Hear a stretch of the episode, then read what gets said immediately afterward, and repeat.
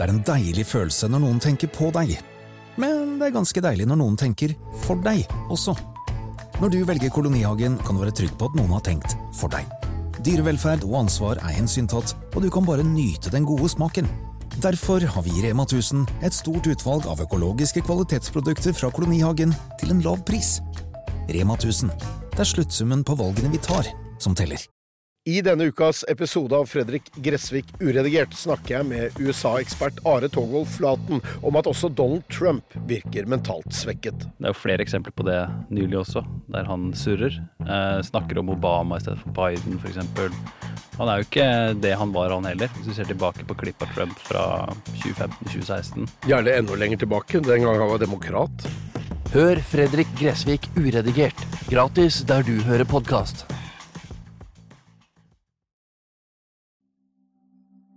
I denne episoden av Avhørt snakker Helge Åstein Morten med den svenske politimannen og forfatteren Simon Häggström. Häggström er kriminalinspektør ved Sveriges nasjonale menneskehandelgruppe, og har mange års erfaring som politi med fokus på menneskehandel og prostitusjon. Han er nå aktuell med sin nye roman Jentene som sprang, en hyperrealistisk politikrim basert på hans egne erfaringer.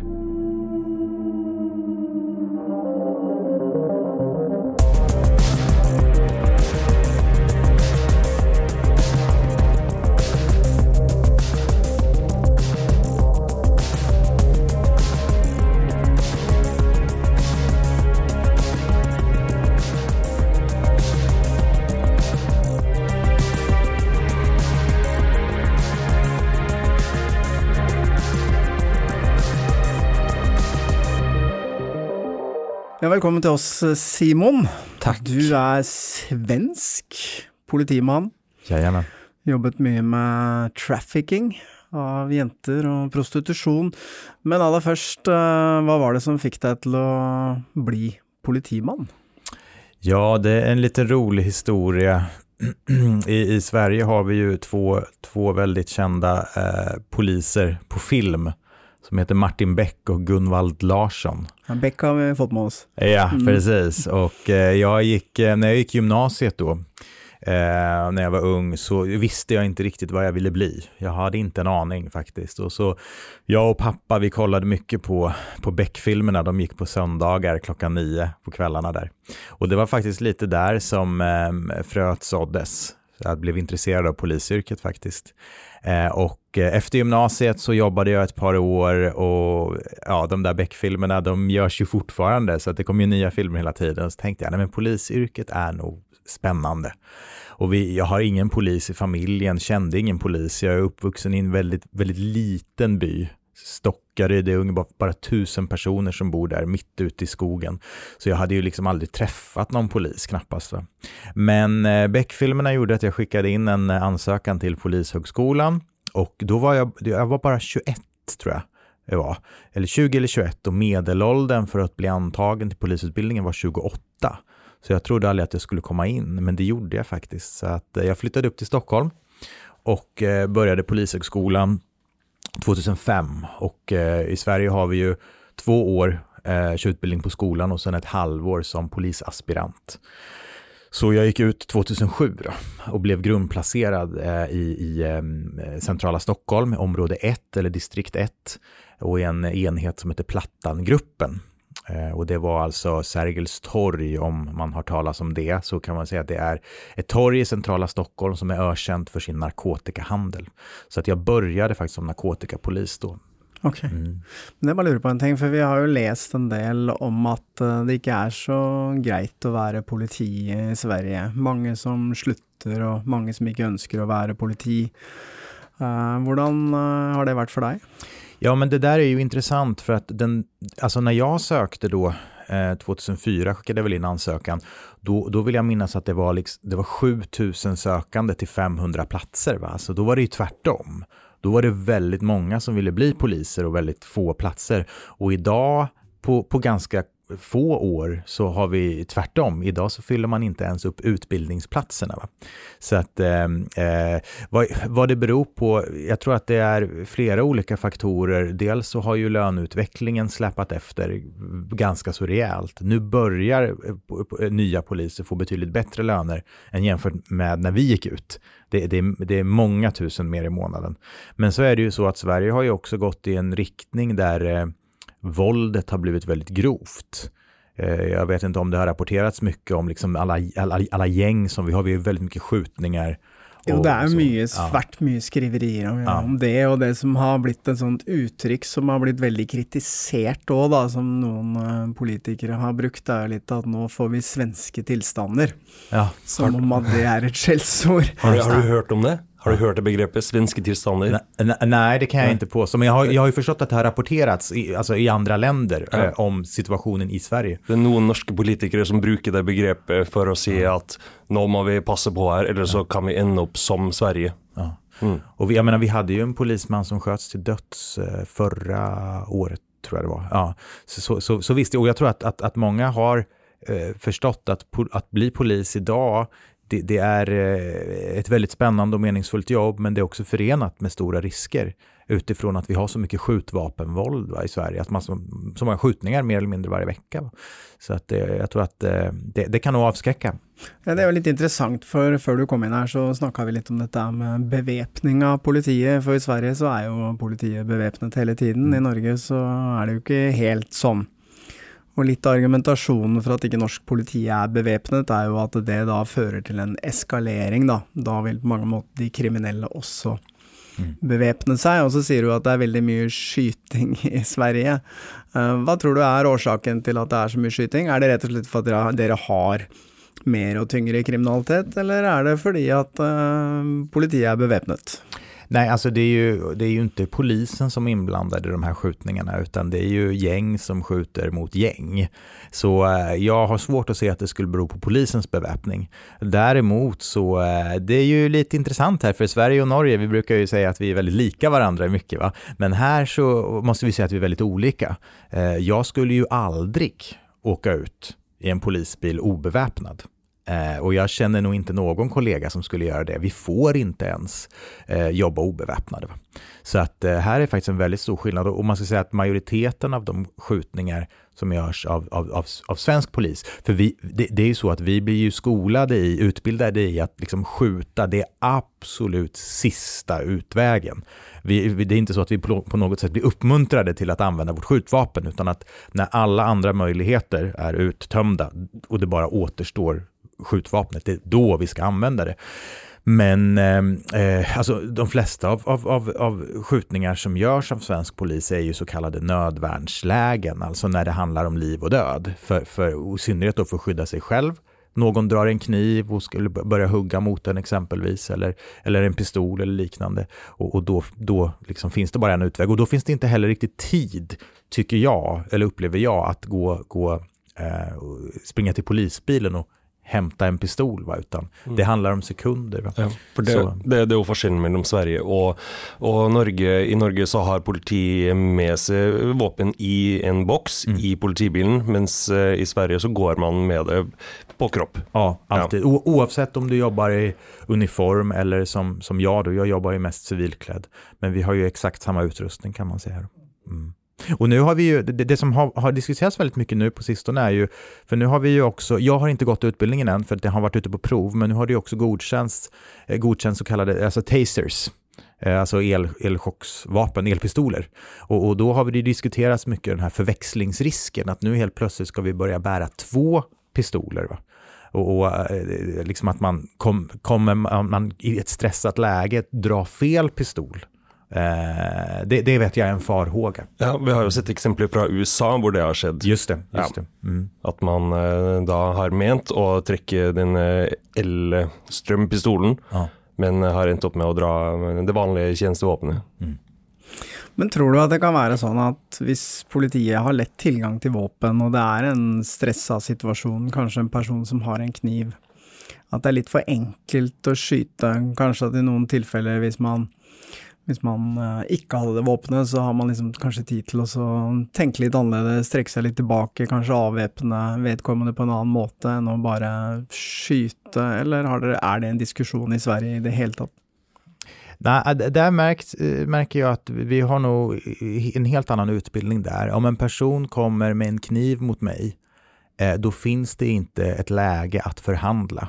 Och det finns det inte ett läge att gå in handgripligen och brottas med en person. Va? Utan här möts vi av ett eh, eh, livshotande våld. Och då är det skjutvapen som gäller. Va? Det är så vi är skolade. Det betyder nödvändigtvis inte att vi ska skjuta ihjäl en människa, utan det kan vara så att man kan skjuta i benet eller kanske till och med bara bredvid ett varningsskott va? för att visa att nu kommer du ett steg närmare så kommer jag att skjuta mot dina mjukdelar. Eh, så att eh, jag, jag, tror att man får inte heller vara alltså, naiv när man möts av en människa som, som förfogar över, över dödliga vapen eh, och som är beredd att använda dem mot dig. Då, måste, då, då, funkar det inte liksom alltid att prata lugnt. Den gränsen är liksom passerad. Så det, det är så vi är lärda i alla fall. För att det går så snabbt. Va? Om, att, att, att, om en person springer mot dig eh, med en kniv exempel, eller en yxa. Det, det är liksom från, det, från det att hjärnan ska liksom koppla och det ska gå ner och man ska dra ett vapen. Fem meter är ju ingenting. Eh, det går så vansinnigt fort. Jag har varit i, i en sån här situation, va, så att jag, jag, jag vet eh, faktiskt vad jag pratar om här. Och, och, det är, då var ju mitt vapen en oerhörd trygghet eh, att ha faktiskt. Vad var det som skedde då? Ja, det, det hade ju att göra med då det som jag eh, arbetar med. Jag jobbar ju bara med eh, prostitution och, och, och trafficking, eh, sexhandeln i Sverige eh, och har jobbat med det här då mer eller mindre sedan jag blev klar polis. Jag var narkotikapolis ett år ungefär, sen så började jag jobba med prostitutionsfrågan på heltid. Och eh, eh, sexhandeln har ju väldigt många olika ansikten. Eh, när många tänker på prostitution så tänker man kanske på gatan. En kvinna som går på gatan. Jag vet att, att eh, i, i, i, Stockholm har vi Malmskillnadsgatan och jag vet att förr i alla fall så var det Karl, Karl Johan eh, med mycket gatuprostitution. Men, men sexhandeln idag är ju mest eh, på internet. Eh, olika eh, typer av sidor, prostitutionssidor där köpare och säljare bestämmer och sen så möts man på ett hotell eller i en lägenhet och så vidare. Och eh, ett av de uppdragen som, som vi har, det är att försöka spåra upp eh, barn, alltså killar och tjejer under 18 år som dras in i det här. Sverige har ju en liknande lagstiftning som Norge. Det är förbjudet att köpa sex men inte att sälja. Och att just hitta barn som utnyttjas i, i sexhandeln är någonting som, som vi tycker är oerhört viktigt. Eh, och ehm, eh, det här ärendet började med att vi hittade en annons på internet med en kvinna som uppgav sig eh, för att vara 18 år. Men när vi tittade på hennes bilder, som hon hade i den här annonsen, så, så eh, gjorde vi bedömningen att den här flickan kan mycket väl vara under 18 år. Och, och det är ju så att de flesta som lägger ut sina prostitutionsannonser och som faktiskt är minderåriga, de skriver att de är 18 för att polis och socialtjänst liksom inte ska bry sig. För att har man fyllt 18 år i Sverige, då är man vuxen. Va? Är man under 18 så är man ett barn och då skriver man kanske är 15 men så skriver man att man är 18 bara för att polisen och socialtjänsten inte ska, ska, ska bry sig om det här. Så, så vi gjorde i alla fall bedömningen att den här annonsen kan mycket väl vara under 18 år och vi bör försöka kontrollera vem, som, vem, som, vem den här flickan verkligen är. Och så vad jag gjorde då var att jag, eh, jag kontaktade den här annonsen och utgav mig då för att vara en, en, en sexköpare som var intresserad av att träffas. Och det är det enda sättet vi, vi, vi kan så att säga kontrollera de här annonserna för att eh, i och med att det inte är brottsligt att sälja sex i Sverige så kan vi liksom inte använda någon annan form av liksom, eh, eh, teknisk eh, undersökning eller liknande.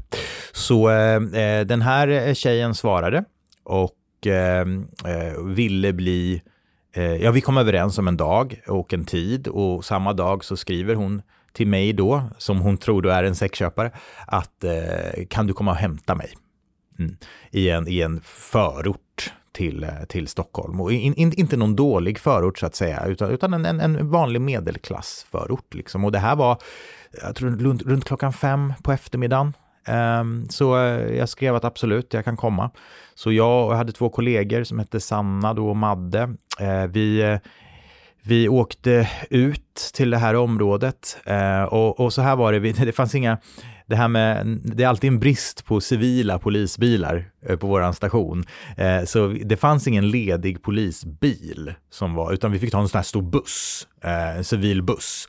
Så jag, alltså, vem som helst skulle, kunde ju se att det här var, för det var extra antenner och så vidare. Men vi tog den här bussen och tänkte att det är bara en liten tjej liksom. Så, att, så eh, vi åker till det här området och så jag säger till mina två kollegor då att om, eh, göm er där bak alltså längst bak, i, och så kan ni gömma er där. Och så när den här flickan kommer in och sätter sig i framsätet, då legitimerar jag mig som polis. Och så säger jag, hej, hej, vi kommer från polisen, vi är väldigt oroliga för dig och vi vill bara prata. Och så hade vi också två socialsekreterare med oss i en, in, i en egen bil då, som skulle komma fram och, och prata med den här tjejen. Um, och och um, när vi kommer dit, till, vi har fått en adress då där vi ska plocka upp den här tjejen. Och, och tanken här då, anledningen till att vi gör detta är ju för att om den här flickan är under 18 år, då kommer vi att omhänderta henne.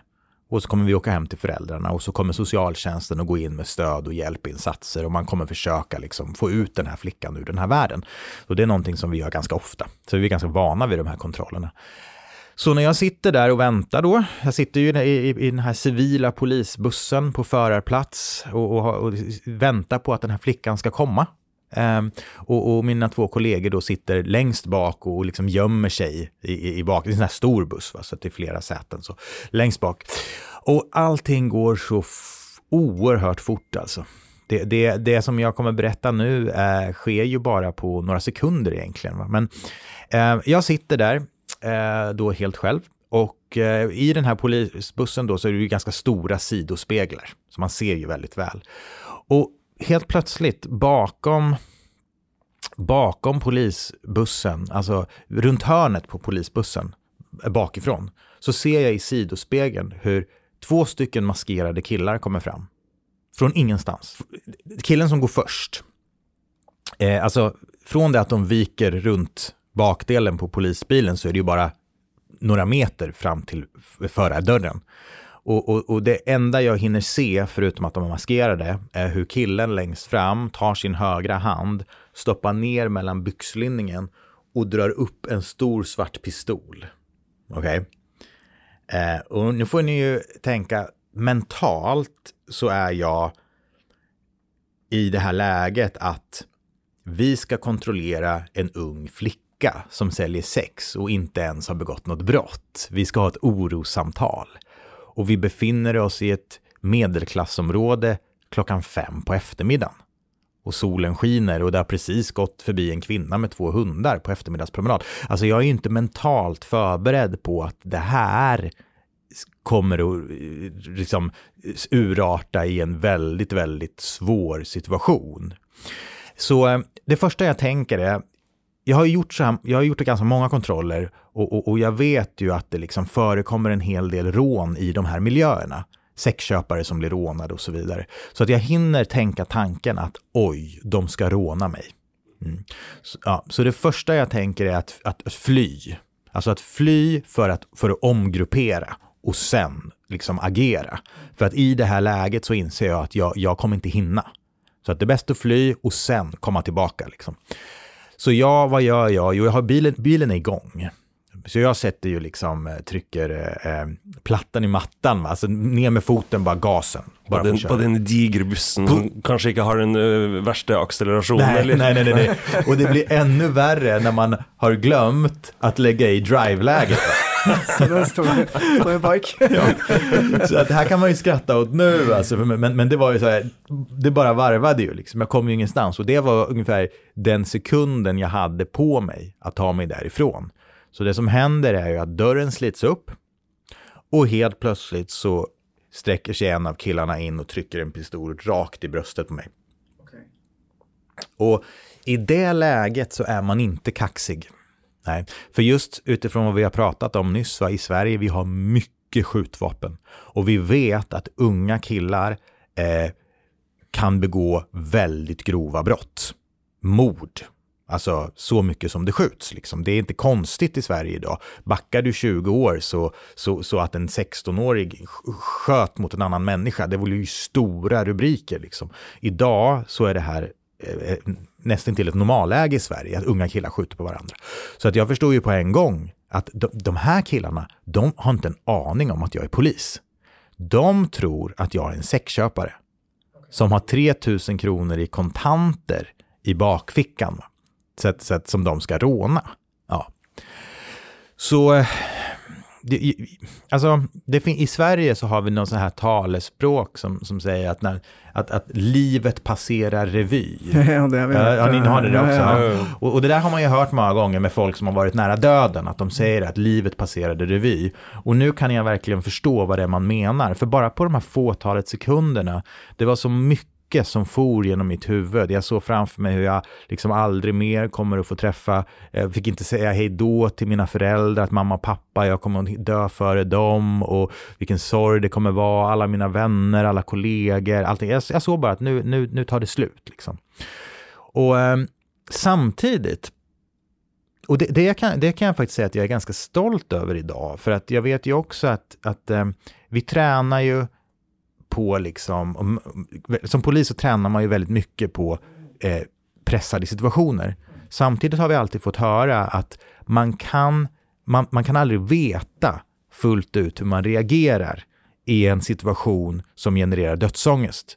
För det, du kan aldrig träna på din dödsångest, va? Utan, utan vissa människor blir paralyserade och kan inte göra någonting, eh, oavsett hur mycket de har tränat. Och, och Medan andra kan faktiskt agera.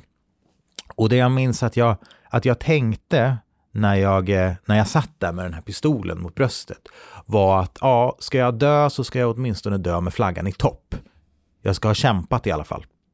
Så där beslutade jag mig för att göra just ett, ett nödvärnsdrag som vi kallar det. Att liksom få upp min pistol och agera. Okay. Men du sitter alltså i bilen med en pistol rätta ja. mot bröstet. Ja, det är som och, en film. Och du tänker att du ska dra ditt eget vapen. Ja. Vilket innebär att om han, om han trycker av mm. så förlorar jag. Det är verkligen rysk roulette. Ja, ja. Och det, det här foregår i en buss, så den personen står. Exakt, liksom, lutar har, sig in. Liksom. Ja, så han ja, kan ha extra tyngd där och ett ganska gott över, övertak. Då. Ja, När man sitter ner, va, är ju, är ju liksom, det har vi ju aldrig tränat på. Du har den på höger sida? Ja, på höger sida, nästan bak i ryggen. Va, så har Men den har väl också, du har väl också en, du måste ju knäppa upp också, du, det är väl inte bara att träcka? Nej, precis. Du ska ju liksom använda tummen för att mm. trycka bort liksom, fodralet. Ja, exakt. Men vad, vad skedde vidare? Jo, det som hände då är att jag, jag inser ju att, att, att det som skulle kunna rädda mig här är att, att han för, förstår att jag är polis i alla fall. För att det är ju ändå, alltså, att skjuta någon, ja det är en sak, det är ett stort steg, men att skjuta en polis är på något sätt ett ännu större steg. Så vad jag gör är att, att, att, att jag bara börjar skrika. Alltså polis, polis, polis, samtidigt som jag sträcker mig upp och tar mitt vapen.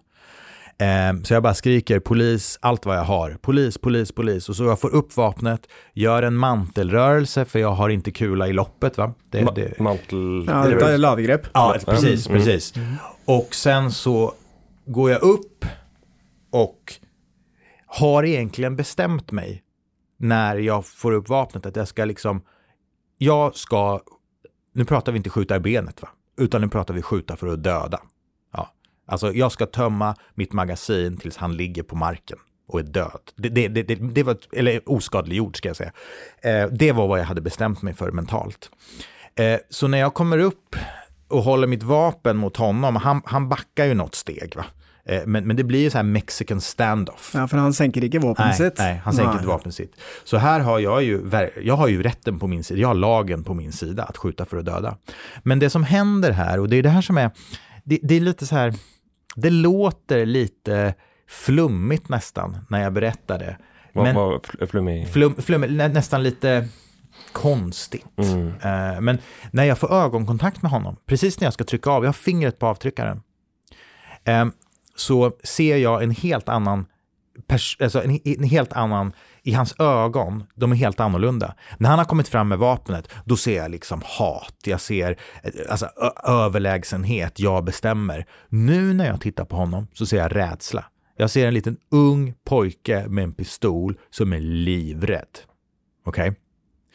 Så, eh, men han släpper inte pistolen. Så jag tänker så här, och det är också rysk roulette egentligen, för, för, för hade han tryckt av så hade jag förlorat. Men jag tänker så här, jag sätter ett skott i backen precis bredvid honom först. Ja. Eh, så jag går ner, pang. Och då är det som att man, man, man, ser hur han liksom skakar till. Det är som att han vaknar upp ur en dröm.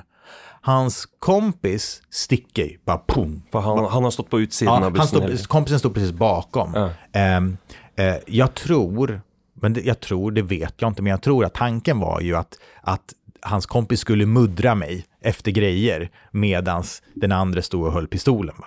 Men så långt hann de ju inte komma då. Eh, men, men hans kompis bara springer och, och, och, och, när jag skjuter. Och den andra killen rycker till, eh, vänder sig om, springer också och kastar vapnet. Mm. Och där kommer jag också ihåg att jag tänkte så här, nej, de ska inte komma undan. Alltså att råna en polis, liksom. Aldrig i livet. Och jag har nog aldrig sprungit så snabbt och så, liksom, alltså så mycket adrenalin. Jag, menar, jag var 39 år, lite extra kilon liksom. Han var 17 bast, inte ett gram fett på kroppen.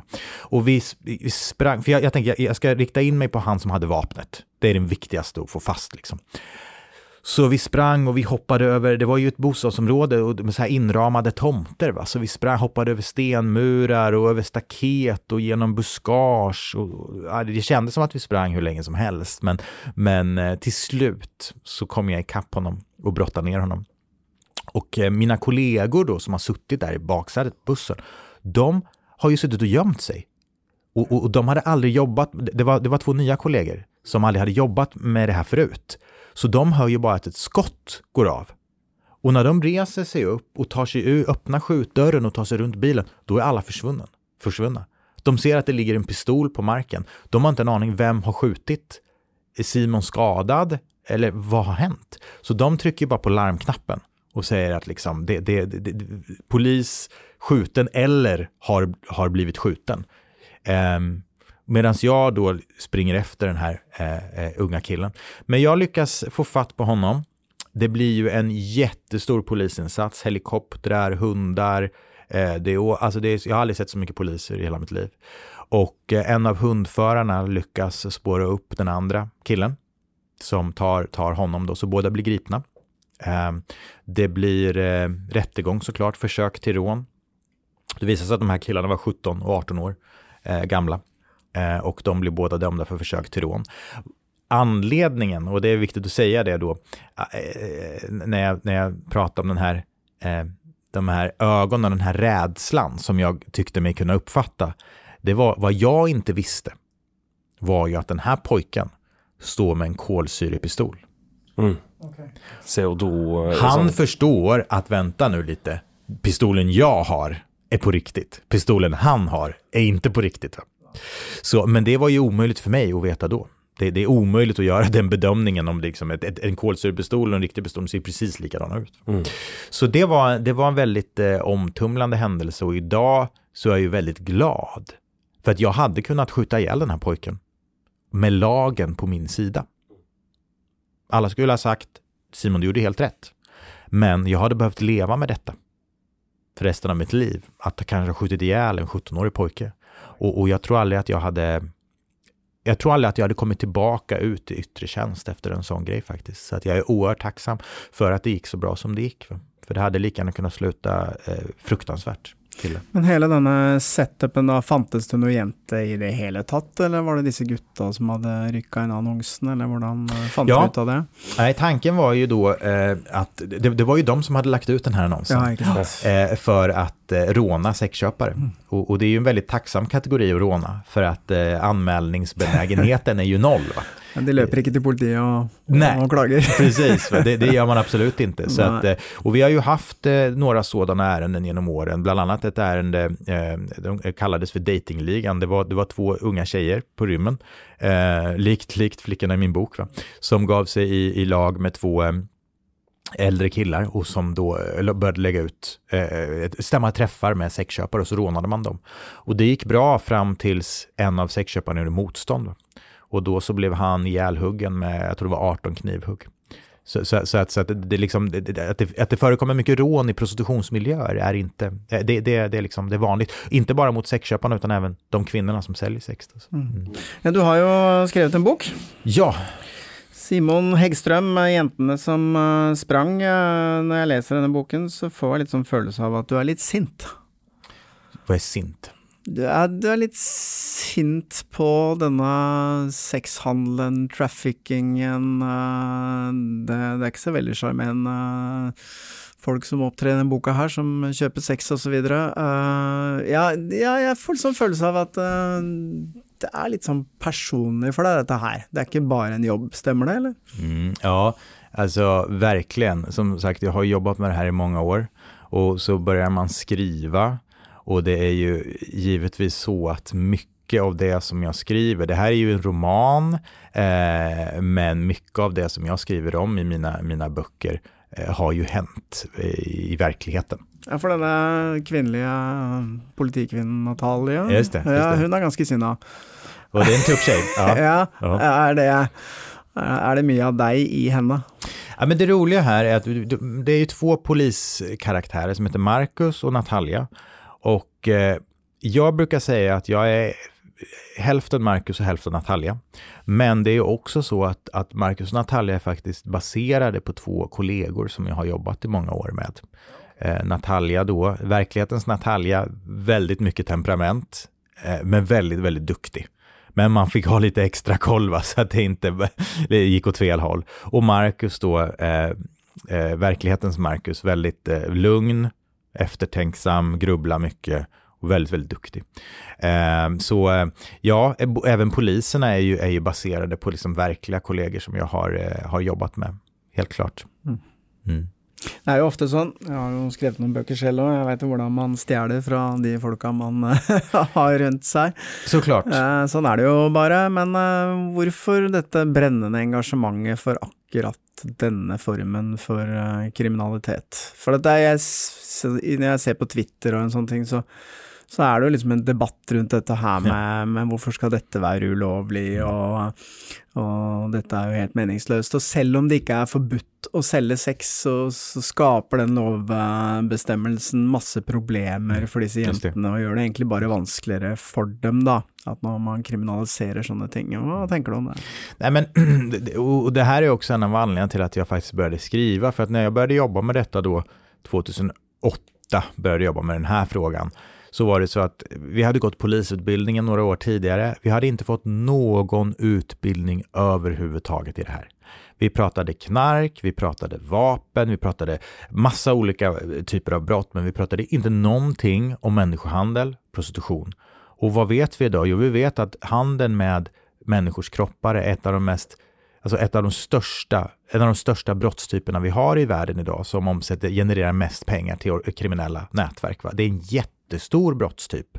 Jag menar bara här i Oslo, jag var tvungen att gå in och kolla igår på en av, av de liksom, prostitutionssidorna som vi har i Sverige. Eh, samma finns in, i, i, här i Norge. Och bara här i, i Oslo låg det ut över 230 kvinnor, eh, eh, mestadels utländska kvinnor, eh, som erbjöd sex så att säga mot betalning. Eh, och det är på en sida. Va? Så att jag menar, även Norge är ju väldigt drabbat av detta. Eh, men det som blev väldigt tydligt för mig när jag började jobba med den här frågan var att kunskapen, både inom polisorganisationen, min egen organisation, men också ute i samhället, var skrämmande låg. Alltså oerhört låg. Jag ska säga en genomsnittlig polis har ju oftast ganska bra koll på narkotika. Man vet vad som är cannabis, man vet vad som är amfetamin, man, man har en grundläggande kunskap om narkotika. Va? Det är något vi får med oss i utbildningar från skolan. Men vad gäller prostitution, alltså det, det, man, de flesta som jag träffade visste ingenting överhuvudtaget. Däremot, precis som du är inne på, hade man, tyckte man väldigt mycket. Man hade väldigt starka åsikter om det här och just på grund av att det, prostitution är någonting som, som, som genererar mycket känslor och mycket åsikter, va? för att det handlar om sex på något sätt. Va? Och då, då kommer det väldigt, på något sätt väldigt nära, va? det blir väldigt personligt. Men, men jag upplevde också att men, men de flesta kan ju inte någonting om det här. De har aldrig suttit ner med en kvinna som säljer sex. Eller djupintervjuat en människohandlare eller hallick, bakman, va? Eller, eller suttit ner med en sexköpare. Och vi fick ju göra det här, sitta ner med de här människorna hela tiden. Eh, och det som jag upplevde var att den här kunskapen som vi, som vi förvärvade och som vi fick se i de här miljöerna, eller möta de här miljöerna, det kände jag att det måste jag försöka få ut till människorna där ute, både mina kollegor men också människor ute i samhället, politiker, alltså lagstiftare. Eh, så där det var därför jag började just, just att, att, eh, att skriva, för att jag tror så här att när man, när man öppnar den här dörren, jag var ju ung polis för det, jag hade ju nästan precis kommit ut från polishögskolan när jag och min kollega Anna då fick frågan, kan ni börja jobba med prostitution på heltid? Vi öppnar den här dörren och, och går in i den här världen och ser vilket enormt lidande som finns. Det var inte alls så som många har fått för sig att det här är jag menar, många vill ju tro att de här kvinnorna det är självständiga, oberoende eskorter som lever lyxliv och åker på partyresor till Ibiza eller det är studenter som, för, som liksom bekostar sina utbildningar och liksom, alltså jag är ledsen men vi ser ju inte det. Vad vi ser är att det är samma förklaringsmodeller som återkommer. Det är fattigdom, det är missbruk, det är en historik av sexuella övergrepp, det är depressioner, PTSD, ångestdämpning. Spelar ingen roll om du kommer från Sverige, Nigeria eller Rumänien. Det är alltid så att säga någon av de här förklaringsmodellerna. Och det som också är väldigt tydligt är att det är män, för att tala klarspråk. Vi har ju en sexköpslag i Sverige sedan 1 januari 1999, så vi har haft den länge nu. Eh, och sexköpslagen är könsneutral, så att vi lägger ingen värdering i vilket kön köparen eller säljaren har. Men vi har ju haft den här lagen i många år nu och vi har inte en enda kvinna som har gripits för sexköpsbrott. Va? Utan det blir väldigt tydligt att det här är en brottslighet som domineras av män och där män faktiskt tar sig friheten att utnyttja de mest sårbara kvinnorna. Va? Jag menar, eh, eh i alla de åren som jag har jobbat med detta så är det rumänska kvinnor som dominerar sexhandeln i, i Sverige. Och, och, när jag tittade på, på, på eh, sidan här i Norge och de kvinnor som låg ute i Oslo skulle jag säga att samma bedömning. De, väldigt många som ligger ute är just från Rumänien. Varför då? Jo, helt enkelt för att det är ett av Europas fattigaste länder. Eh, och, och, och, det liksom, att träffa en man här i Oslo en eller två timmar för en ung rumänsk kvinna utan utbildning motsvarar en hel månadslön för henne hemma i Rumänien. Och, och, och, vi lever ju i länder, både Sverige och Norge, där vi har det väldigt bra. Vi tar mycket för givet. Va? Blir vi sjuka går vi till sjukhus. Eh, om vi inte har något arbete, ja då får vi hjälp med en arbetsförmedling. Har vi inte mat på bordet går vi kanske till socialtjänsten. Men vad händer när man som ung kvinna bor i ett land där de här hjälp, det här sociala liksom, skyddsnätet inte finns? Eller åtminstone är väldigt, väldigt begränsad? Jo, det blir ju så att väldigt många unga kvinnor tvingas in i prostitution. Inte för att de älskar sex, inte för att de, de, de ska åka på någon partyresa eller finansiera sina studier, utan för att kunna sätta fram mat på bordet till sina barn. Och många unga killar tvingas in i kriminalitet. Inte nödvändigtvis för att de är onda människor, utan för att man anser sig inte ha något annat val för att överleva. Va? Och det tror jag att det är viktigt att när man bor i länder som Sverige eller Norge så måste man påminna sig om detta. Va? Eh, att livet är i själva verket ett lotteri, skulle jag vilja påstå. Hade jag fötts in under sam och fått samma förutsättningar som många av de kvinnor som jag möter, så är sannolikheten överhängande att rollerna hade varit ombytta. Va? Så, eh, så eh, ja, var engagemanget kommer ifrån, det, det, jag tänker så här att det är inte så konstigt för att när man, sitter, när man ser allt det här på första parkett och ser hur grovt kriminella tjänar stora pengar på unga kvinnors utsatthet och när man ser hur eh, så att säga vanliga män förgriper sig på de här kvinnorna, ja då blir man engagerad helt enkelt och man vill göra vad man kan för att få ett, eh, få ett stopp på detta. Det är ju skillnad med våra gäng, tycker jag, som vi har i Sverige. Där har vi kriminella som ger sig på kriminella. Alltså man skjuter på varandra. Men här har vi en brottslighet där kriminella utnyttjar unga, fattiga, helt oskyldiga kvinnor. Eh, och, och, det tycker jag är en avgörande skillnad där, tror jag. Faktiskt. Mm. Men det har vært en, eh, hvis vi skal trekke litt sånn paralleller til f.eks. Uh, narkotika, da. Mm. Så sier man jo at den kampen der, den, eh, den er liksom forgjeves. Den er tapt. Man har holdt på i 30-40 år, og det blir ikke noe bedre. Og løsningen er å legalisere ting uh, isteden. Uh, tenker du at den debatten kanskje kan komme i forhold til Man klarer jo ikke å stoppe dette her. Så er det jo. Man klarer jo ikke det. Mm. Ikke sant? Sånn at uh, Og det at ting er ulovlig osv., gjør jo mange tilfeller at forholdene for disse kvinnene blir enda verre. Mm. Mm. Er det noen tanker rundt det, at man At denne kampen är tapt? Nej, den är absolut inte förlorad skulle jag vilja påstå, men däremot så håller jag ju med dig om att det här är någonting som vi aldrig kommer bli av med.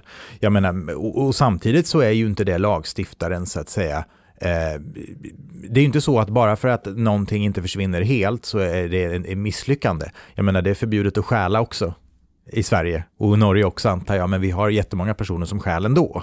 Men man kan ju också tänka sig hur hade det sett ut om det hade varit lagligt att stjäla? Ja, då hade nog betydligt fler eh, tagit saker som man inte får. Va? Eh, men jag tänker så här, jag har ju varit runt, eh, jag har haft förmånen att få, få resa runt ganska mycket, eh, i, i, inte bara Europa utan övriga världen. Och, och, och det här med att legalisera, det är ju någonting som kommer på tapeten hela tiden och det finns ju de som då, precis som du är inne på, som hävdar att ja, men sexköpslagen i, i, i Norge och i Sverige och i några andra länder, den gör att prostitutionen går under jord, den gör att våldet ökar mot de som säljer sex och det, är en hel, det hade varit mycket bättre om vi tog upp det här till ytan och reglerade detta, alltså legaliserade det här. Och, men men, men det, det, är ju liksom, det här har ju redan gjorts. Tittar vi på södra Europa, tittar vi på Nederländerna, Tyskland, Schweiz, Österrike, så är det ju precis det här man har gjort. Och, och, och, Tyskland är ett sånt land som jag har följt väldigt nära. Jag har varit i Tyskland flera gånger. Jag har varit med mina tyska poliskollegor, gjort bordellkontroller, sett med egna ögon detta. Och vad blir konsekvensen när man legaliserar prostitution? Jo, det blir ju helt tvärtom. Och det vet vi ju idag, att våldet mot eh, kvinnor som befinner sig i prostitution i Tyskland är ju skyhögt. Alltså det är så oerhört mycket större än vad det är i Sverige. Jag menar, du har ju massa mord. Jag tror att nu, nu, nu har jag inte koll på de senaste siffrorna, men det sista jag hörde var äh, jämfört med dess, att Sverige införde sin sexköpslag 1999 fram tills idag, så har Sverige, i Sverige har vi inte haft ett enda mord på en prostituerad kvinna. Va?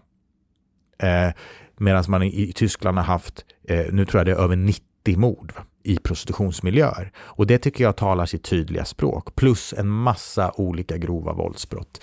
Vad händer när man upplåter eh, eller när man gör det lagligt att köpa och sälja och också främja Alltså starta en bordell exempelvis. Det är olagligt i Sverige. Det skulle genereras flera års fängelse. Men i Tyskland är det lagligt. Jo, man har en målvakt som står på tillståndet. Men vilka är det som ligger bakom? Jo, det är kriminella organisationer. Och vad händer och när samhället gör sig beroende av inkomster från sexhandeln genom att man betalar skatt och så vidare? Jo, det är ju precis det att helt plötsligt så blir sexhandeln en del av samhället. Va? Och det är en väldigt, väldigt farlig väg att gå, för det kommer inte vara min mamma och pappa som startar en bordell. Va? Och det är ju en av de kritiken som kommer just mot sexköpslagen, att den kommer att gå under jord, kommer att bli osynlig. Ja, för, för eh, vanliga människor kommer den att försvinna. Den kommer inte vara ute på gatan, men för polisen så kommer den vara väldigt enkel att hitta. För att prostitution kan inte försvinna helt och hållet, för köpare och säljare måste komma, kunna, kunna komma i kontakt med varandra. Så att kvinnorna måste kunna annonseras ut. Och om en sexköpare kan hitta de här lägenhetsbordellerna eller hotellrummen, eh, ja då kan polisen göra det också. Jag behöver bara en telefon. Det tog tio sekunder för mig igår att hitta 232 mm. Det är ju inte så väldigt vanskligt, för vi, vi laget nyligen en sån podcastserie som vi kallade för Honningfälla. Okay. Hvor det er uh, unge menn som uh, møter kvinner på Tinder, og så blir de lurt uh, trill rundt og taper masse penger. Men da vi, vi oppretta en konto der og surfa litt rundt for å prøve å finne disse kvinnene, så, så la jeg jo merke til at det var veldig mye prostitusjon på Tinder også. Veldig mye sånn gå inn på denne den siden, gå inn på denne den siden, gå inn på denne den siden. Så det er jo, det er jo liksom helt åpenlyst. Mm. Det er jo ikke noe fordekt eller skjult på noe som helst måte. Det, men hva gjør politiet da i forhold til å disse stedene som tilbyr dette, da. Mm. Jeg ser jo at de prøver å omgå loven ved f.eks. si at uh, det er ikke noe sexhandel her, men disse kvinnene setter veldig stor pris på å få en gave, eller uh, Just det, just det. Ja. Man betaler for tiden. Ja, ja, ja. Mm. ja. Eh, det som jag tänker, man måste, när man jobbar med prostitution, då måste man vara nyfiken, man, för man måste hela tiden hålla sig up to date. För prostitutionen, den, den, den står aldrig stilla. Det är hela tiden en, en brottstyp som är, som är i utveckling. Den följer, eh, den anpassar sig och följer rådande lagstiftning i ett land. Va? Det är därför vi har stora bordeller i Tyskland med 50-60 kvinnor, men de hittar vi inte i Norge eller Sverige på samma sätt. Va? Utan då är det mindre lägenhetsbordeller. Den följer ett samhälles normer och värderingar. Och den följer kanske först och främst den tekniska utvecklingen. Det som var eh, gatuprostitution för 20-30 år sedan som liksom dominerade prostitutionsvärlden är idag den minsta delen.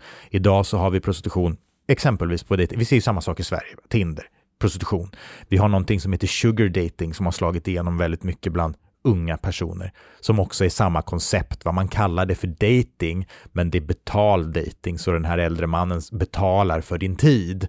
Men vad många ungdomar inte förstår är att det förväntas såklart också att de ska ställa upp på sex Eh, så att eh, eh, det gäller ju för oss gäller det att försöka vara där prostitutionen fortgår. Helt klart, och göra ingripanden. Och vi jobbar ju väldigt mycket mot att dels gripa sexköparna för att liksom trycka tillbaka efterfrågan. För att utan sexköpare så skulle den här världen inte existera, va? för det är sexköparna som har pengarna. Va? men också jobba mot hallikarna, eller det som jag tror ni kallar för bakmän. Va? Ja, ja vi brukar ja. hallick i Norge. Ja, hallick också, ja. Mm. Precis, och, och, och, försöka sätta dem i fängelse. Eh, men sen så eh, håller jag med dig. Jag tror att det här kommer vi aldrig få bukt med fullt ut. Men vi kan göra det svårare. Vi kan göra Sverige till ett mindre attraktivt land. Och det är jag övertygad om att vi också har lyckats med. För att om man, om man bara ser till, till, till Sverige och inte har någonting annat att jämföra med, ja men då tycker man att vi har stora problem. Ja men en vanlig dag i Stockholm så har vi 300-400 annonser som ligger ute. Och det är mycket. Men om vi åker ner till södra Europa, till Tyskland, Nederländerna och så vidare, så, så blir man ju chockad. För det är liksom, det går inte att jämföra. Det är en enorm skillnad. Och då faktiskt så så blir, man, blir jag i alla fall ändå ganska stolt över vår lagstiftning som vi har.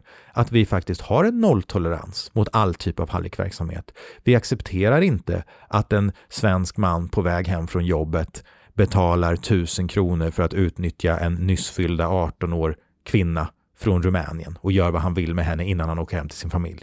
Vi accepterar inte de här sakerna som faktiskt är fullt lagliga i andra länder och det är också därför som flera länder har tagit efter den svenska lagen. Sverige var ju först ut 1999 och omvärlden skrattade ju åt den här lagstiftningen och tyckte att ni svenskar är inte riktigt kloka. Norge tog efter, Island, Kanada, Nordirland, Irland, Frankrike och fler länder är ju faktiskt på väg och i Tyskland just som brukar vara det, som brukar, det landet som brukar verkligen eh, eh, symbolisera den lagliga sexhandeln. Ja, där har vi nu flera eh, högt uppsatta politiker som har börjat arbeta för en kriminalisering av sexköp även i Tyskland. För att man har fått ryktet om sig att vara the brothel of Europe. Och det är en stämpel som inget land vill ha. Man har ju en enorm sexturism där män från andra länder kommer till Tyskland och åker på organiserade mer eller mindre sexresor.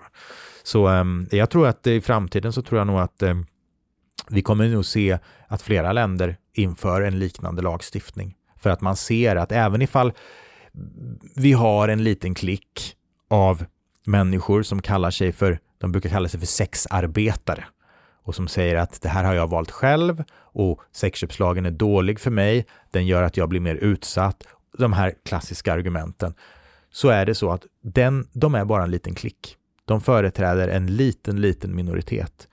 Den stora majoriteten det är kvinnor från Nigeria, Rumänien, Ryssland, Ukraina, Colombia och så vidare som befinner sig i prostitution för att de upplever sig tvingade till det. De har inget annat val. Och det är där vi måste se att vi måste ha en lagstiftning som försvårar för hallikarna att tjäna pengar på de här kvinnorna. Så att eh, eh min uppfattning i frågan är ju glasklar.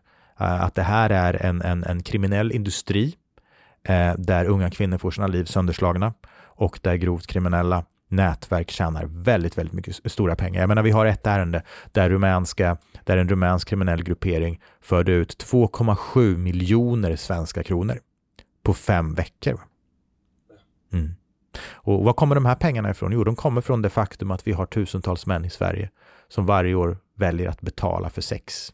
Vanliga män som aldrig skulle få för sig att snatta en chokladbit va, i affären, eh, men som inte har några problem att betala för sex. Och vad gör de? Jo, de investerar sina pengar rakt in i organiserad brottslighet. Och därför är sexköpslagen väldigt, väldigt viktig. Ibland så hör jag ju sådana här, men vi har inte så många sådana här ärenden. Polisen, det bara, kommer bara några domar varje år. Men man ska också ha klart för sig att det här är ju en brottstyp där anmälningsbenägenheten är noll. Okej? Okay? Om jag tänker, blir man blir någon utsatt för ett rån, då ringer man polisen. Blir någon utsatt för en våldtäkt, ja då ringer man oftast polisen kanske om man blir överfallen i en park eller liknande. Men den här brottstypen, här har du alltså brottsoffer som inte kommer gå in på polisstationen här i Oslo och säga att jag har två hallickar som har tagit mig hit. Varför då? Jo, det är skam, det är skuld och det är rädsla. Okay. Vad innebär det? Jo, att för att hitta de här ärendena för att hitta de här hallickarna så måste polisen avsätta resurser. Om inte polisen avsätter några resurser, då kommer statistiken vara väldigt, väldigt låg. Mm. Men om polisen avsätter resurser och poliser som faktiskt jobbar med detta. Jag vet att Oslo, åtminstone förr, jag vet inte om de finns kvar, men förr vet jag att Oslo hade en väldigt duktig och engagerad människohandelsgrupp som jobbade bara med den här problematiken. Det är när man har människohandelsgrupper som jobbar med det här, det är då man också kommer hitta ärenden. För att det vi måste komma till de här kvinnorna, de kommer inte att komma till oss. Och det är, är, gör den här brottsligheten ganska så unik. Eh, man kan välja att titta åt andra hållet och då kommer den här världen bara leva vidare och ingen kommer att liksom, det kommer inte komma till polisens kännedom och då kan man också säga att vi har inte problem med det här. Samtidigt en Google-sökning bort ligger 200 kvinnor, varav en majoritet skulle jag vilja påstå sannolikt är utsatta för organiserad prostitution och har hallickar. För att det är exakt samma kvinnor som vi möter i Sverige. Många gånger när man kommer in till Sverige, då ska man vidare in i Norge sen, eller så kommer man från Norge. Så att eh, de skickas ju runt de här kvinnorna hela tiden. Så det går lite på kapacitet, rätt och slett, hos politiet? Ja, Hur mycket helt klart. man har möjligheter att sätta in på det här? Allting handlar om en resursfråga. Eh, vi, vi, vi, kan ta exempelvis det här med sexköpsbrott. Eh, vi fick precis statistiken i Sverige för antalet sexköpare som greps förra året, 2021. Det var över 1800 män.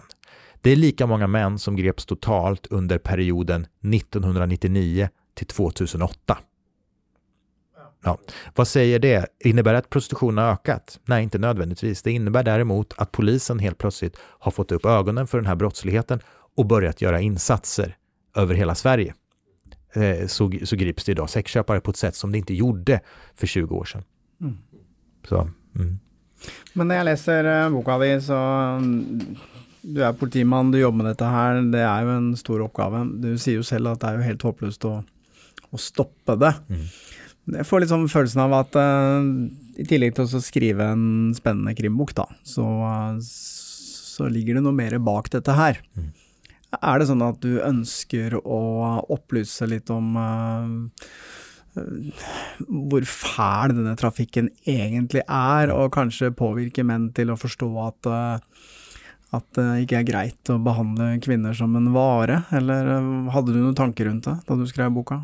Jag blir väldigt glad att du eh, upplever boken så, för det är precis det som är tanken.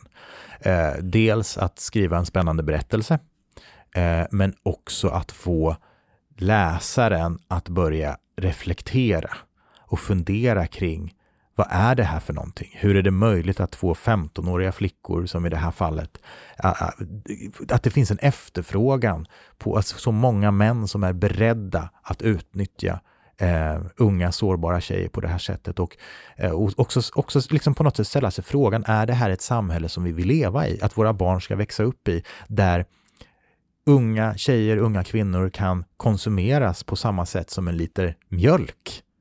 Eh, eh, och, och det, det, upplever jag att många, många har som sagt inte kunskap om den här världen, men när man, när man får lite djupare kunskap och kanske får ta del av en berättelse på det här sättet så börjar man förhoppningsvis fundera lite kring oj, är det så här det ser ut? Va? Och det är därför också som jag, jag vill verkligen att, att, att, äm, att det som jag skriver i mina romaner ska verkligen vara så som det är där ute. Jag ska inte överdriva, men inte heller underdriva.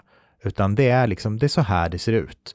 Och, och, och verkligheten är ju, eh, det finns bland annat en slutscen i den här boken. Jag ska inte berätta, jag ska inte spoila någonting, men, men, men där var det ju, det, det, är många som har reagerat på den slutscenen och tänkt, men Simon, så här illa kan det väl verkligen inte vara. Eh, men då är det ju faktiskt så att den scenen var, var, var, var mycket värre på riktigt. Ja, för det, det du säger nu är att eh, det, mye av det du skriver här, det har du egentligen upplevt. Ja, Ja, mm. ja. Jennifer och Malvina, de här två unga tjejerna som man får, får möta. Jag menar, det, jag, jag har ju deras ansikten framför mig. Va? De hette ju själva verket någonting annat, men, men de är ju tagna direkt. Sexköparna som man får träffa i den här boken är också tagna liksom från verkligheten. Och så har jag liksom satt ihop det här då till en, till en berättelse. Men, men anledningen till att jag skriver är ju helt och hållet för att jag vill så att säga få människor att eh, reflektera och fundera och, och, och, förhoppningsvis eh, få mer kunskap kring, kring det här. Så att jag har ett tydligt budskap och jag, jag, jag, är glad, jag blir glad över att det, det lyser igenom, för det är faktiskt meningen. Men så lurer jag på en ting då, för vi har ju en uh, för så vidt en uh, vän av mig som var politiman som, som begynte å skrive krimbøker og gjorde etter hvert veldig suksess med de bøkene. Okay. Men da var han ikke så interessert i å jobbe som politi lenger. Uh, tror du det samme kommer til å skje med deg hvis, uh, hvis millionene renner inn? Oj, jag ska, alltså, ska jag vara helt ärlig så, så eh, har jag alltid sagt att jag skulle aldrig byta ut pistolen mot en penna.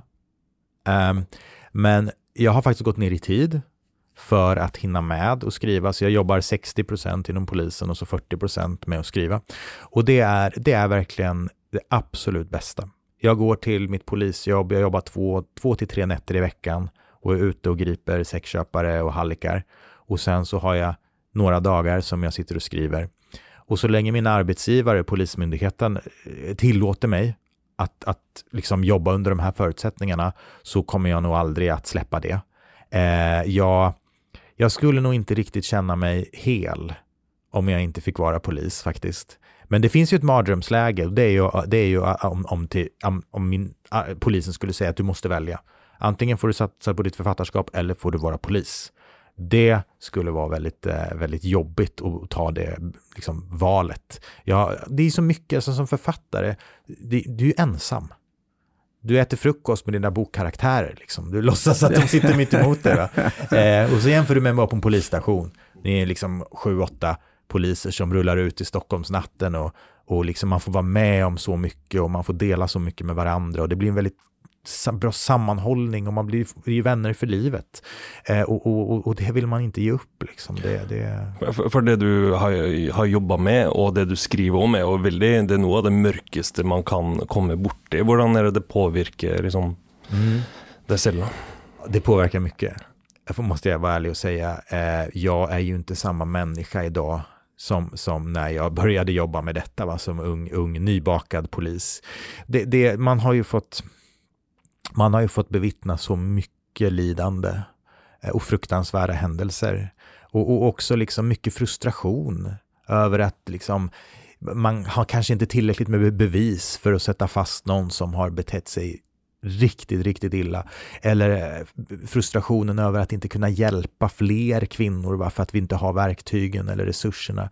Eh, det, det, det, det är mycket saker som, som har påverkat en. Jag, jag har ju gått i, i, för att orka med det här, och så brukar jag vara ärlig med att berätta att jag har gått i terapi i många år Jag har gått till en och samma terapeut som polisen faktiskt gav mig eh, eh väldigt tidigt. För att mina chefer såg att det som vi fick vara med om var, var, var, var ju fruktansvärt. Va? Och, och, och, det blir väldigt tung ryggsäck att bära. Och jag ska nog säga att den här terapin är det som har räddat mig. Jag skulle nog inte suttit här idag och pratat med er om det inte vore för eh, min terapeut. För där har jag har fått verktyg för hur jag ska liksom hantera allt det här lidandet. Vilket gör att jag idag eh, lättare kan avskärma mig. Eh, så att säga. För man måste hålla ett visst avstånd, va? För, att, för att annars så går man under. Samtidigt så, kan man, så är det viktigt att man inte tappar empatin. För att det är liksom empatin och det här förtroendeskapande arbetet som är så viktigt. Och visa att man faktiskt bryr sig om de människor som befinner sig allra längst ner på samhällets botten. Det är liksom en eh, avgörande för att kunna nå fram och vinna någons förtroende. Det är att man visar att vi bryr oss om dig på riktigt va? och vi finns här. Här är mitt nummer. Den dagen du är redo att lämna det här och prata med oss, så ring. Eh, så jag tror att man, ska man jobba med de här frågorna så tror jag att man måste jobba med ett stort, eh, stort engagemang och stort hjärta. Tror jag. Samtidigt som man måste, man, man måste kunna vara mjuk, man måste också kunna vara stenhård. För att vi, vi möter också väldigt, väldigt obehagliga eh, och samvetslösa individer. Mm. Faktiskt. Mm. Så vi, ja, får, vi får se hur länge jag orkar. Det är väldigt mycket våld knyttet till, och då tänker jag inte först och främst på kunderelationerna, men de som står bak. Jag gav ut en bok för några år sedan där jag skrev om något av den samma problematiken efter att ha snackat med en en uh, god vän av meg som jobba i politiet med de uh, tingene der, og den historien han fortalte som jeg fikk tilgang til, var jo helt mm. grusomme greier. Jeg har jo aldri Altså, vi ble jo behandla som Å si dyr er feil, for det var mye, mye, mye Altså, det var helt forferdelige greier. Hvordan de liksom ble hjula opp og banka opp uh, systematisk uh, før de da ble frakta til, uh, til Sverige og Norge. Ser du mye av Hör du många sådana historier? Mm. Ja, absolut, absolut. Mm. Och, och, det här återknyter ju lite till din fråga tidigare. Var kommer det här brinnande engagemanget ifrån? Va? Alltså när man får se det här och oskyldiga människor verkligen som dras in i detta bara för att de vill kunna sätta fram mat på bordet till sina barn. Ja, det är ju svårt att inte bli engagerad. Jag menar, det var ju därför man blev polis. Det var ju för att göra skillnad på något sätt. Va? Och, och här får man möjlighet att ge sig efter de kanske mest samvetslösa människorna och kriminella som, som verkligen utnyttjar de allra svagaste. Va?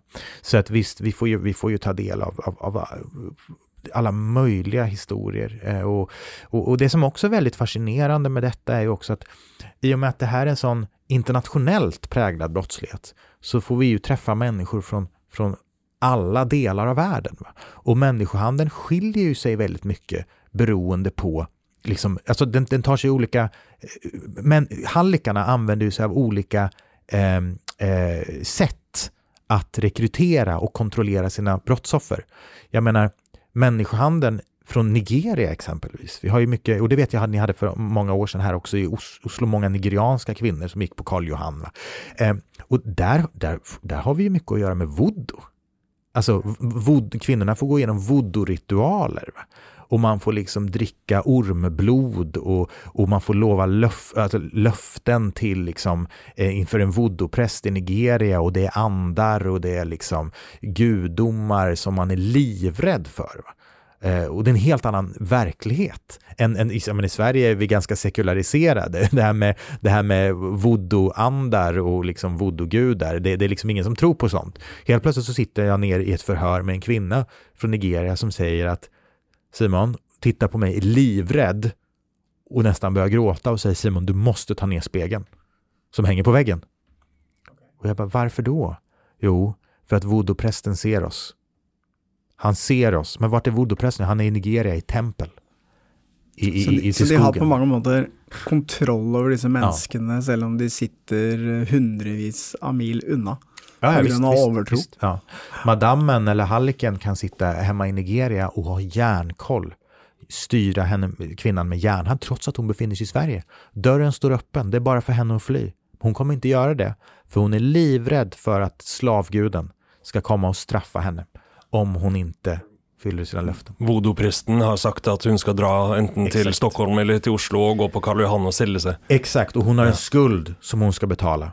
Som hon eh, eh, fick höra var 50 000. Och då tänkte hon 50 000 naira, som motsvarar en, en månadslön för en sjuksköterska i Nigeria. Mm. Inte jättemycket pengar, alltså det går en skuld som går att betala av. Vad ingen hade sagt till henne var att det rörde sig om 50 000 euro. Ja, sant. Ja, det fick hon reda på först när hon kom hit. För att återfå sin frihet. Va? Och, och hemma i Nigeria så har den här voodoo-prästen ett litet paket. Där de har tagit hennes hår, hennes eh, delar av hennes naglar, hennes menstruationsblod, gjort ett paket och där har de en del av hennes själ. Det är som en traditionell voodoo-docka. Mm. Har ni sett de här filmerna man trycker en nål i? Va? Mm. Precis så. Och hon vet att voodoo-prästen, om jag, in, om jag flyr eller om jag på något sätt sviker de löftena som jag har gett, då kommer jag att dö. Eller min familj kommer att dö. Så, så att det, det, det, det är som en psykologisk terror, skulle man kunna säga. Så att, eh, man lär sig också väldigt mycket om andra kulturer och religioner och så vidare. Det verkar ju på mig som om om man ska liksom få begränsa detta så, så tränger man egentligen att driva lite sån eh, generell folkupplysning då och pröva få ut det budskap om var dessa kvinnor kommer ifrån hva de er blitt utsatt for, og hvorfor de prostituerer seg. Og så er det kanskje en del menn som tenker seg om to ganger. Eller er det for naivt å tro det? Tror du at en sånn måte å kommunisere ut disse tingene på kan eh, få flere menn til å avstå fra å kjøpe sex? Ja, men jag skulle vilja påstå att, att, att, att, att jag vet att det är så. För Sverige är ett tydligt exempel. När, innan vi införde sexköpslagen, då var närmare 70 procent emot. Då var det ju lagligt att köpa sex i Sverige. Nästan 70 procent var emot en kriminalisering av sexköparen. Idag så är det helt tvärtom. En majoritet av befolkningen är för den här lagstiftningen. Och jag, jag tror verkligen att det har mycket att göra med att vi har precis gjort det som du är inne på. Poliser, inte bara jag, flera andra med mig, kvinnorättsorganisationer, före detta kvinnor som har varit i prostitution, har liksom ställt sig upp och berättat det här ser vi ute i verkligheten. Polisen har inget egenintresse i av att beskriva en verklighet som, som fruktansvärd. Hade det varit så att en majoritet av de kvinnorna som vi mötte var självständiga, oberoende eskorter, då hade vi sagt det. Nu är det helt tvärtom. En absolut majoritet av de kvinnor vi möter är absolut inte självständiga, utan det finns bakmän som styr det här. Och då berättar vi det. Och vi berättar också om den utsatthet som vi möter. Och det lyssnar ju människor på givetvis och blir upplysta, börjar kanske läsa, titta på dokumentärer, vill lära sig mer och förstår att oj, är det så här det ser ut? Och jag tror absolut att det är jätteviktigt. Eh, för annars så är det de här myterna som får fäste. Va? Eh, att, det, att det här är liksom kvinnor som, som gillar vad de gör. Mm. Ja, tjener går pengar og Exakt, lever exakt. flotte liv. Ja. Men hvis vi ser bort ifra den hendelsen hvor du fikk en pistol i brystet, hva tenker du er det mest verste du har vært med på i denne jobben? Oj.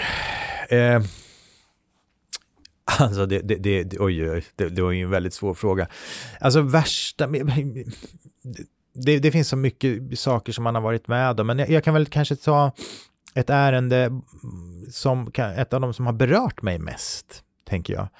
Det var en ung flicka, ungefär liknande eh, på det sättet som jag berättade om den här händelsen när jag fick en pistol mot bröstet. En, en, en ung flicka som har lagt ut en annons på nätet. Och på samma sätt så gör vi bedömningen att hon eh, sannolikt är är långt under 18 år. Vi eh, möter upp henne, eh, spårar upp henne och det visar sig att hon är 13 år. 13 år. Mm. Hon har hon berättar för oss att hon började sälja sex när hon var 11 år. Elleve år gammel. 11 år. Alltså det, det är så här. Jag, jag, jag, trodde, jag trodde först inte det var sant. 11 år så gjorde hon sin debut i sexhandeln. Svensk tjej. Ehm, två år senare, när vi hittar henne, då har hon redan varit här i två år. Då har hon alltså 95 procents frånvaro i skolan, säljer sex på heltid. Och hon har en pojkvän som tar alla pengar. Som knarkar upp pengarna. Han är tung missbrukare. Hon är i så dåligt skick Alltså hon är, jag, jag kommer ihåg hur jag tänkte att den här flickan kommer inte att överleva sin 18-årsdag. Hon, kom, hon kommer vara död inom några år. Va? Eh, och, och det, var, det var verkligen en, en, ett sånt här livsöde som verkligen kom under huden på mig. Så jag sa ju innan jag gått i terapi, jag har, liksom för, jag har fått verktyg för att liksom hålla ett visst avstånd så man ska kunna orka jobba med detta. Men hon gick rakt under huden. Alltså det, det var liksom, jag kände att jag, där tog jag verkligen med mig jobbet hem. Liksom. Eh, så jättegullig tjej. Supersmart, snäll, eh, vill inte någon något illa utan bara så jättedåligt psykiskt mående. Eh, hatade sig själv, tyckte inte att hon var värd någonting bättre. Det fanns ju såklart en historia, var det här dåliga psykiska måendet, var det kom ifrån och så vidare. Och jag tänkte att hur ska det gå för henne? Vi, vi har behållit kontakten under alla år. Eh, och att se hennes resa, och det är ju, det är ju svårt att förklara, alltså att sitta ner med en 13-årig flicka som blir grovt utnyttjad av vuxna män och höra henne berätta om de här sakerna.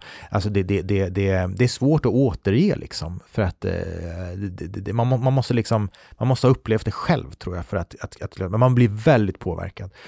Eh, idag så är hon eh, 19 år. Eh, jag har fått följa hennes resa för att vi har en gång om året så träffas vi och äter middag. Så jag har fått följa henne på hennes resa. Eh, idag är hon 19 år, går, gick ut gymnasiet med högsta betyg i klassen. Hon hade maxbetyg, bäst betyg i alla ämnen. Eh, idag pluggar hon till jurist och drömmer om att bli åklagare. Eh, och sätta dit, driva åtal mot de här, sådana här män som förgriper sig på unga kvinnor. Eh, där kan man verkligen säga vilken, vilken, vilken fantastisk resa hon har gjort. Och det fick, lärde mig någonting. Och det är att det spelar inte någon roll hur mörkt det är. Va? Alltså hur, man kommer till en plats och man tycker att bara det här, det finns inget annat än ett kompakt mörker. Det här kommer aldrig sluta väl. Då brukar jag tänka på henne och så blir jag påmind om att det finns alltid en väg ut. Alltid. Man kan aldrig döma ut en människa oavsett hur långt ner på botten han eller hon är. Så, så finns det de som faktiskt klarar att ta sig ur. Och det beror inte på mig, det beror inte på socialtjänsten eller någon annan.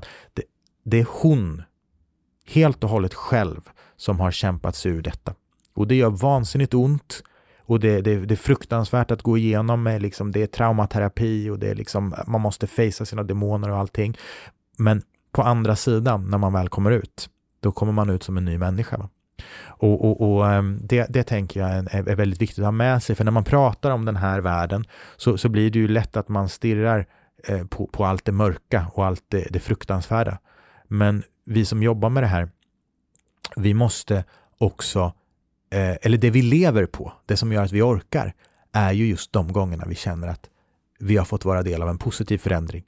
Och nu har jag jobbat med det här så länge att jag, jag känner ju faktiskt ett antal kvinnor som idag lever vanliga liv. Som vi träffade första gången under de mest fruktansvärda förhållandena. Och det ger ju en väldigt mycket energi. För att svara på din fråga tidigare, hur orkar man? Ja, men det, det gör man ju på grund av att man, man ibland når fram hela vägen. Det var lite sånn deilig, Simon, att uh, vi gick ut på lite sån hopp. For det är ju väldigt mörkt, ikke sant, och det är ju väldigt trist, och det är massa skjebner, och, och uh, det är fint att höra att uh, det går bra med någon. Absolut. Takket være dem selv, og selvfølgelig den hjelpen de har uh, fått. Uh, Simon Heggstrøm, 'Jentene som sprang', jeg synes det var en veldig spennende bok, og veldig en rystende bok. og og uh, jeg tror den kan absolutt gjøre en uh, forskjell, så den anbefaler jeg virkelig. Så lykke til med forfatterskapet ditt. Så håper jeg ikke du slutter som uh, politi. Jeg tror du har mye å bidra med, selv om millionene ruller inn. men takk for at du kom til oss. Tusen takk. Så får du lykke til videre. Ja, men takk for at jeg fikk komme hit. Det var jättetrevligt. Takk. Avhørt er produsert av Batong Media. Redaksjonen vår består av Helge Molvær, Stein Morten Lier og Lars Christian Nygårdstrand. Temamusikken vår er laget av Altered States, og du kan komme i kontakt med oss på vår Facebook-side Batong Media. Hør eksklusive episoder av Avhørt på Podme. Gå inn på podme.com, eller last ned appen Podme.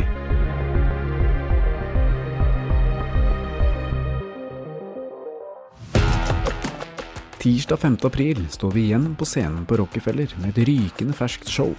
Det er fortsatt billetter igjen, så gå in på vår Facebook-sida Batong Media eller ticketmaster.no för att säkra dig biljetter.